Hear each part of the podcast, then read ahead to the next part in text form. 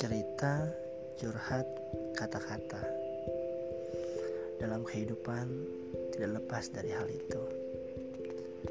Ya cerita aja.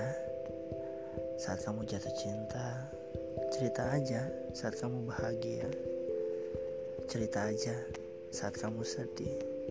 Karena dengan cerita, mengungkapkannya lewat kata-kata, kadang bisa melepaskan beban yang ada di dalam hati. Walaupun kita nggak tahu dia dengar atau tidak perasaan kita.